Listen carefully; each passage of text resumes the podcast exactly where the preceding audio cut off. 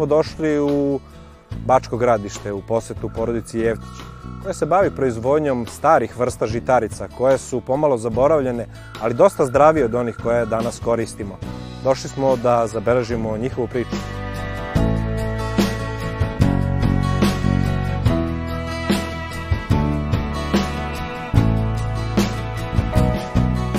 Rođen sam u Bačkom gradištu, osnovnu školu sam tu završio, srednju školu u Bečeju. Onda sam studirao u Subotici, na višoj školi, nažalost nisam završio. Vratio sam se nazad, upoznao sam suprugu u jednoj firmi koje smo radili tekstilnoj i onda posle toga je supruga otišla za Austriju, tada još nije bila supruga, tada je bila o, prijateljica otišla je u, u Austriju i ja sam kasnije za nekoliko meseci otišao i tamo smo proveli od 1991. do 2008. godine i onda me stalno privlačilo moje gradište rodno, pošto sam lepo živeo tu, odlučili smo se vratimo i vratili smo se tako što smo zamislili da ćemo da proizvodimo speltu. Uzeli smo mašine za te prilagođene za tu proizvodnju i počeli smo da radimo speltu. Tada smo imali dvoje dece naše, supruga ima iz, prvog braka sina i on je ostao u Austriji, a mi smo došli ovde da radimo. Počeli smo da radimo stvarno zemlje koje su mi kupili, to je oko 20 eh, hektara, da radimo na tome.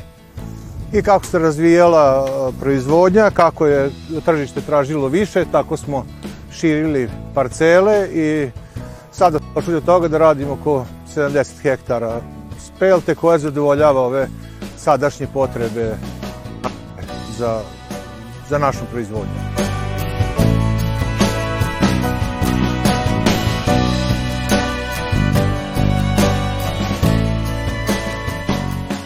Devedesete godine sam uh, otišla u Austriju iz mnogo razloga uh, i tamo sam otišla u jedno turističko mesto koje, e, koje bukvalno živi samo od turizma i radila sam u restoranu. Ono što se tamo naučilo e, u turizmu jeste komunikacija sa ljudima i to nam je danas e, u mnogome doprinalo da danas lakše komuniciramo sa svim našim kupcima, uopšte sa ljudima na tržištu. A kako je došla ideja da za Speltu Pa uh, u tom momentu sam ja neko ko ne voli mnogo da jede i kad sam prvi put probala hleb od spelte, ja sam znala da je to to svakog dana je bilo ukusnije. Trebalo je samo vremena da mogu da um, smislim neke nove ideje, nove recepte kako uh, udovoljiti ili uh, ispuniti želju ukusu, a pritom da bude mnogo zdravije u odnosu na današnje vrste. Tamo se to koristilo mnogo više i bilo je mnogo rasprostranjenije. Mi smo igrom slučaja došli do direktno do proizvođača zato što smo i, i tamo već naučili da ljudi žele da kupe direktno od proizvođača, žele da znaju tačno od koga su kupili, žele da stupe u kontakt sa direktnim proizvođačem i to nas je navelo da i mi nađemo nekog takvog igrom slučaja se sve to izdogađalo. Tog momenta kad smo mi rešili da se ipak vratimo za Srbiju, gospodin nam je rekao da nam ne vredi da kupujemo seme jer mi to nećemo moći da preradimo. Ko želi da se bavi može, ali uz neke uh, potrebne uh, mašine za doradu i za preradu. On nam je sve to pokazao i desilo se eto da on je bio voljan da nam sve te mašine ustupi da bi mi mogli u Srbiji da se bavimo, pošto je on sa njegovih 80 i više godina želeo da prestane.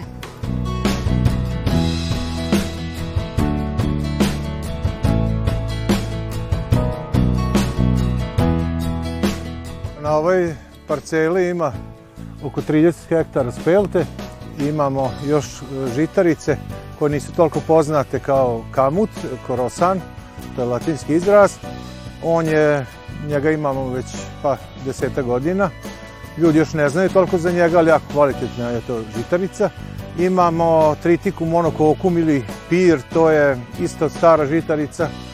Imamo tritikum dikokum, to je dvozrna jedna pšenica koja, koja se ga isto na našim njivama. Imamo crveni kukuruz koji isto je naš autoktoni što se kaže i njega isto koristimo i to su neke žitarice koje mi imamo i onda sejamo toliko otprilike koliko nam treba, to uvek planiramo ranije. Počeli su ljudi da dolaze da kupuju seme od nas, da uzimaju, da ih interesuje to. To su obično naše mušterije koje su već koristile speltu i tako su i oni počeli malo da se bave sa speltom, prvo za svoje potrebe, pa su onda to malo proširili, počeli su to da prodaju, ima gde je to zaživelo, ima gde nije zaživelo, tako da neko tržište spelte već postoji u Srbiji, nije veliko, ali svake godine raste, što je nama jako važno, jer mi sami ne bi mogli da ispratimo taj porast i tu količinu koja treba u, u, na tržištu Srbije. Tako da nama i dobro dođe e, neko još da se dopunjavamo, tako da, da možemo da ispratimo. Da ne bi ostala Srbija bez pelte. Ljudi su tako se snalazili, neko je to ljuštio kod nas, neko su kupovali ljuštilice da se oljušti speltu, pošto ona na njivi može se proizvede, ali mora da se ima određene mašine da to odrade lepo, da ostane čisto zrno koja se kasnije melje. Nju ljuska ta štiti, tako da je jako dobra za ekološku proizvodnju. Dobra je zbog toga što ne može da se opraši sa drugim žitaricama, uvek ostane onako kakva jeste, nema da se nešto deformiše. I to i svake godine sejemo isto seme, što znači da je to a, takva biljka da, da može da se reprodukuje, ne treba joj pomoć čoveka, ne treba da se ukršta ni sa čim da bi opstala kao što ima druge kulture i mi nju sejemo, ovo je sad već 16. godina, s tim dok nismo proizveli seme za, za ove površine koje imamo. Današnje pšenice zahtevaju tretiranja i to se uvek vidi kad čovek ide pored nekog, neke od parcela gde su tragovi točkova ili tragovi traktora koji su prolazili. Ovde kao što vidite cela površina nema nigde nikakvih tragova što znači da nema takve vrste zaštite. Ona se prosto štiti sama. Isto korovu uguši brzo, pošto ona je višlja, sad ove godine nije toliko, ali ona bude visoka, tako nama bude, nekad si ne vidim iz nje, toliko bude kad, kad je bolja vegetacija. I zato je dobro što uguši korov. I tu se vidi ova, ova njiva nije uopšte prskana, nije tretirana ni sa čim, korova nema. Znači ona se izbokori i tako da je ulaganje nisi toliko velika dok ne dođe prerada. E onda to već košta.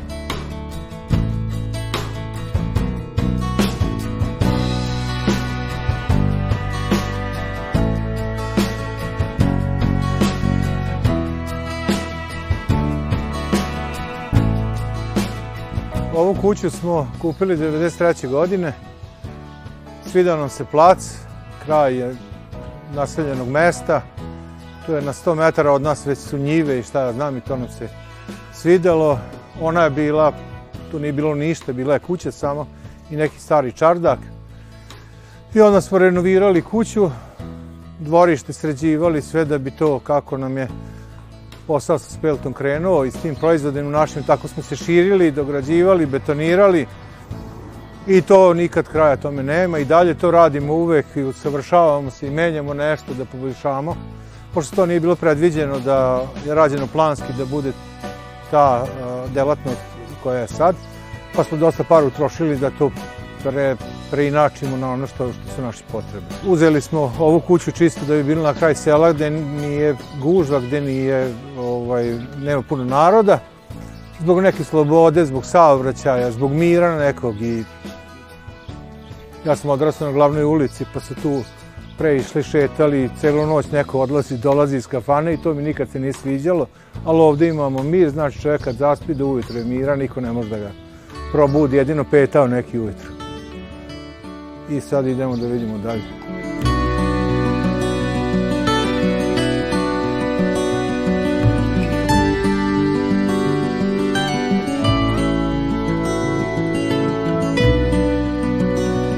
Nalazimo se u podnom skladištu. Ovo je uvrećeno ovde. U ovom podnom skladištu može stane oko 200 tona spelte. Imam još gore u, iznad ploče u ovom objektu. Ona se skladišti najbolje ovako zbog uh, on ima ljusku na sebi, pa samim tim uh, ne može zrno ni da se upali. sačekamo da bude dobra vlaga, oko 12% i onda može se skladišti. I najbolje se čuva ovako, zbog insekata, zbog svega, zbog uh, miševa kojih ima svugde, koji mogu da naiđu i onda se ljušti i posle toga ide odmah u proizvodnju i, i, u, i u preradu. Nismo želeli u silosima, pošto ovo možda bude neke druge namene. Lako je čuvati, proveravamo uvek temperaturu i to, ali kad se uh, skladišti, najvažnije da je suva. I ovako može stoji nekoliko godina bez problema. Mi uvek gledamo da nam ostane po jedna određena količina od 4-5 vagona spelte da imamo, pošto ne znam kako će da rodi ove godine. Može le da bude, može da bude neko nevreme, nešto. I da sad tržište ne bi trpelo i mi da ne ostanemo bez robe, uvek imamo u rezervi za bar za narednih šest meseci, što planiramo proizvoditi.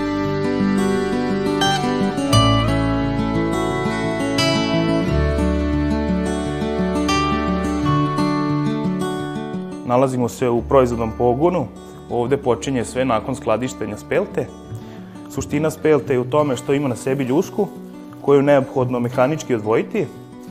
I to je u suštini čar spelte, što ona sve nečistoće i sve iz vazduha i zemlje, ona ostaje na ljusci i mi kad nju, kad skinemo ljusku sa, sa zrna, dobijamo čisto zrno koje nema mikotoksina i ostalo. Ova mašina je prva u nizu pri proizvodnji spelte, znači ona služi za ljušćenje spelte, odvajanje pleve od zrna. Ta mašina ljušti speltu, imamo aspiraciju koja izvlači preko, preko ovoga izvlači jumbo jack tu ljuspicu s peltinom. To služi za ishranu stoke ili može da se pravi neki jastuci i koja šta. Prelazimo na drugu nizu mašina. Ovo je klasičan selektor koji odvaja po veličini nečistoće, slamu i ostalo.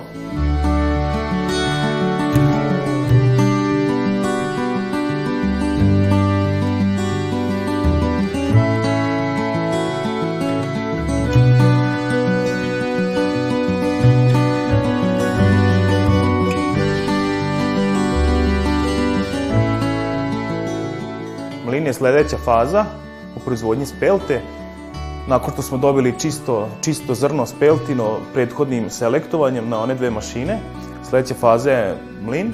Imamo tri mlina na kamen, veštački kamen i suština je što kapacitet nije velik, ali jednostavno naginjemo ka tom tradicionalnom prirodnom prirodne proizvodnji i ovaj, oko 30 kg po satu je kapacitet mlina svakoga, I sad će moj drugar Zet da pokaže kako to funkcioniše sve.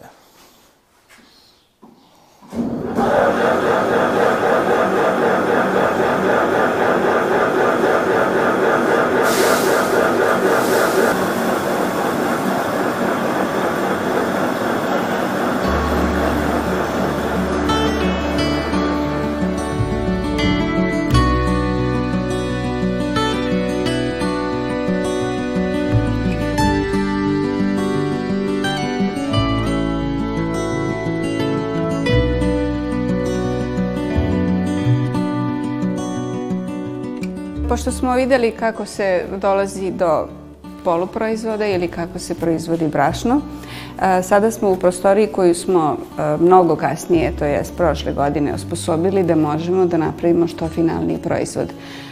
U suštini to nam je i bio cilj kad smo počeli, pošto su kupci uvek tražili nešto više, nešto drugačije, nešto što ne moraju sami da urade. Samim tim smo bili primorani da proizvedemo što finalniji proizvod. Sve počinje u mikseru gde se testo, i, u stvari brašno i voda sjedinjuju da bi bili što kompaktniji. Odatle, e, na primjer, testenina ide u presu koja je e, pušta u razne oblike, kao što su e, fosili, široki rezanci, makarone. Oni posle prese idu na sušaru. Kore koje razvlačimo na takođe počinju u mikseru. E, kasnije se ručno e, domesuju ili se pravi e, zames koji treba da odstoji da bi se na kraju razvukle kore da bi bile što lepše. One idu na pasterizaciju i posle toga sve to ide na pakovanje.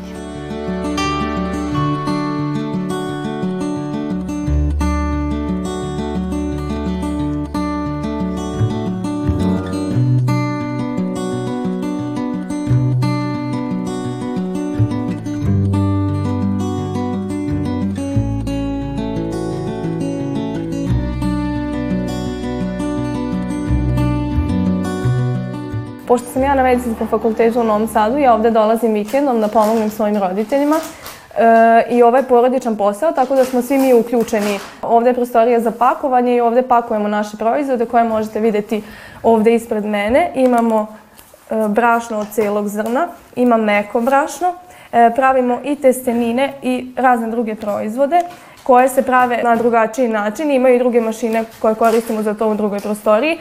Ovo je konkretno prostorija za pakovanje i tu je moja snajka koja pomaže, snajka Jovana koja pomaže u pakovanju svakodnevno i učestvuje u našem poslu. Brašno se pakuje ručno, bez mašina, pošto je preciznije. Stavljamo na vagu, meri se kilogram.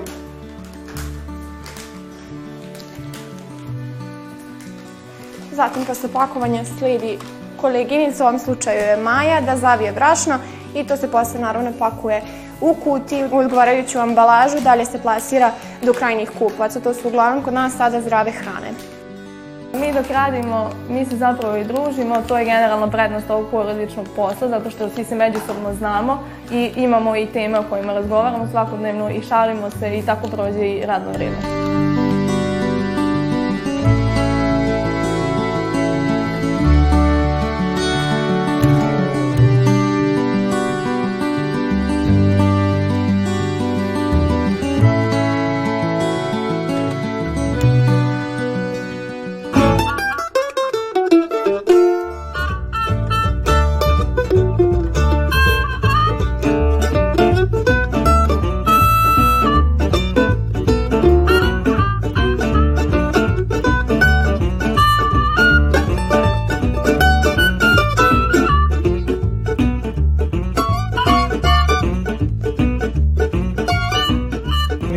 vreme. pokajali, ja bar nijednog momenta što smo tu.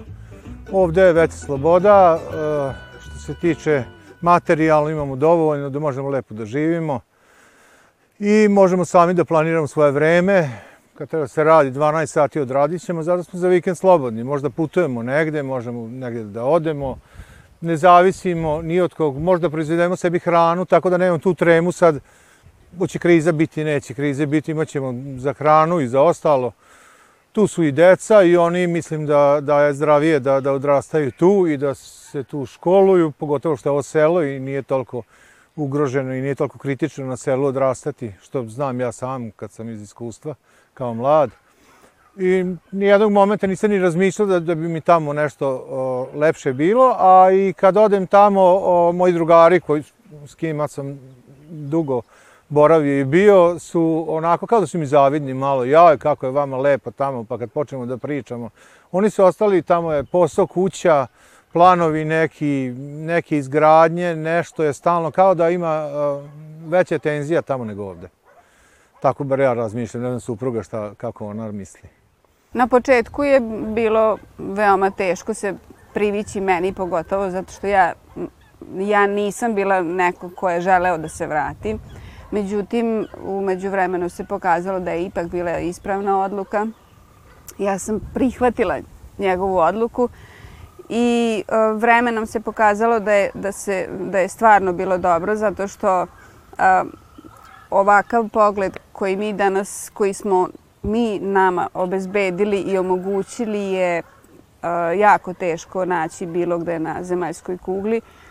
A, mi smo ipak u tome uspeli ovde, tako da se sad već više nisam u dilemi da li sam se pokajala ili nisam, nisam.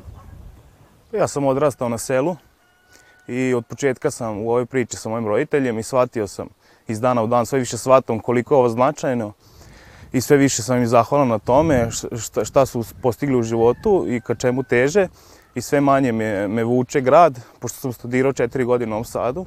Iz dana u dan sve manje me vuče i i ovde sve više se pronalazim. Ja sam odrasla ovde u, u Bačkom gradištu i m, posle gimnazije sam upisala medicinski fakultet u Novom Sadu i sad sam četvrta godina, tako da uskoro treba i da završim i moji planovi su nekako da e, u, svo, u svojoj struci se zaposlim i sve, ali naravno da je jako značajno kada ima neš, neki plan B, mislim da ja, iako ne uspem, može da se desi u, u svom poslu, da mogu da se radim ovde kod kuće i da, i da radim kao i što, što smo i do sad radili.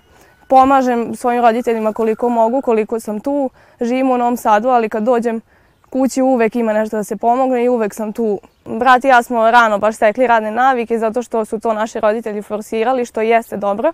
Krenuli smo rano da pomažemo i, i oko ovog posla i generalno na selu ima uvek, ceo dan ima da se radi nešto.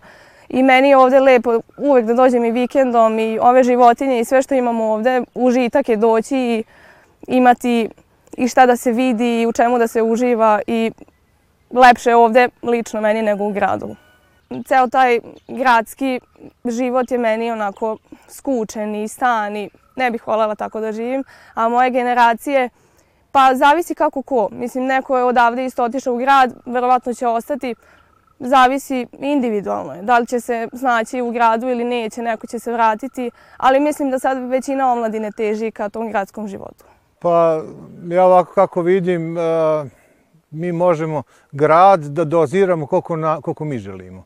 Znači, tu smo u selu, imamo, hvala Bogu, auto, možda odemo do grada, budemo u kom gradu hoćemo i koliko god dugo hoćemo i onda se vratimo nazad. Opet je ovde drugačiji mir, priroda, poznajem ljude, osjećam se komotnije, svoj na svome, imam slobodu, pogotovo u tim kriznim vremenima što su bila do sad, mi smo nismo osetili ništa, ali mi smo bili na polju, u baštama, u, u, nismo u četiri zida, što Ona je u gradu što je navikao, on je navikao, pa je tako i rođen tamo, pa mu je možda nenormalno ovde, ali mi smo navikli sloboda, da idemo na pecanje, da šetamo, da nama je 50 metara kraj, kraj ulici, kraj sela, odatle počinje priroda, gde možemo da uživamo svakog momenta.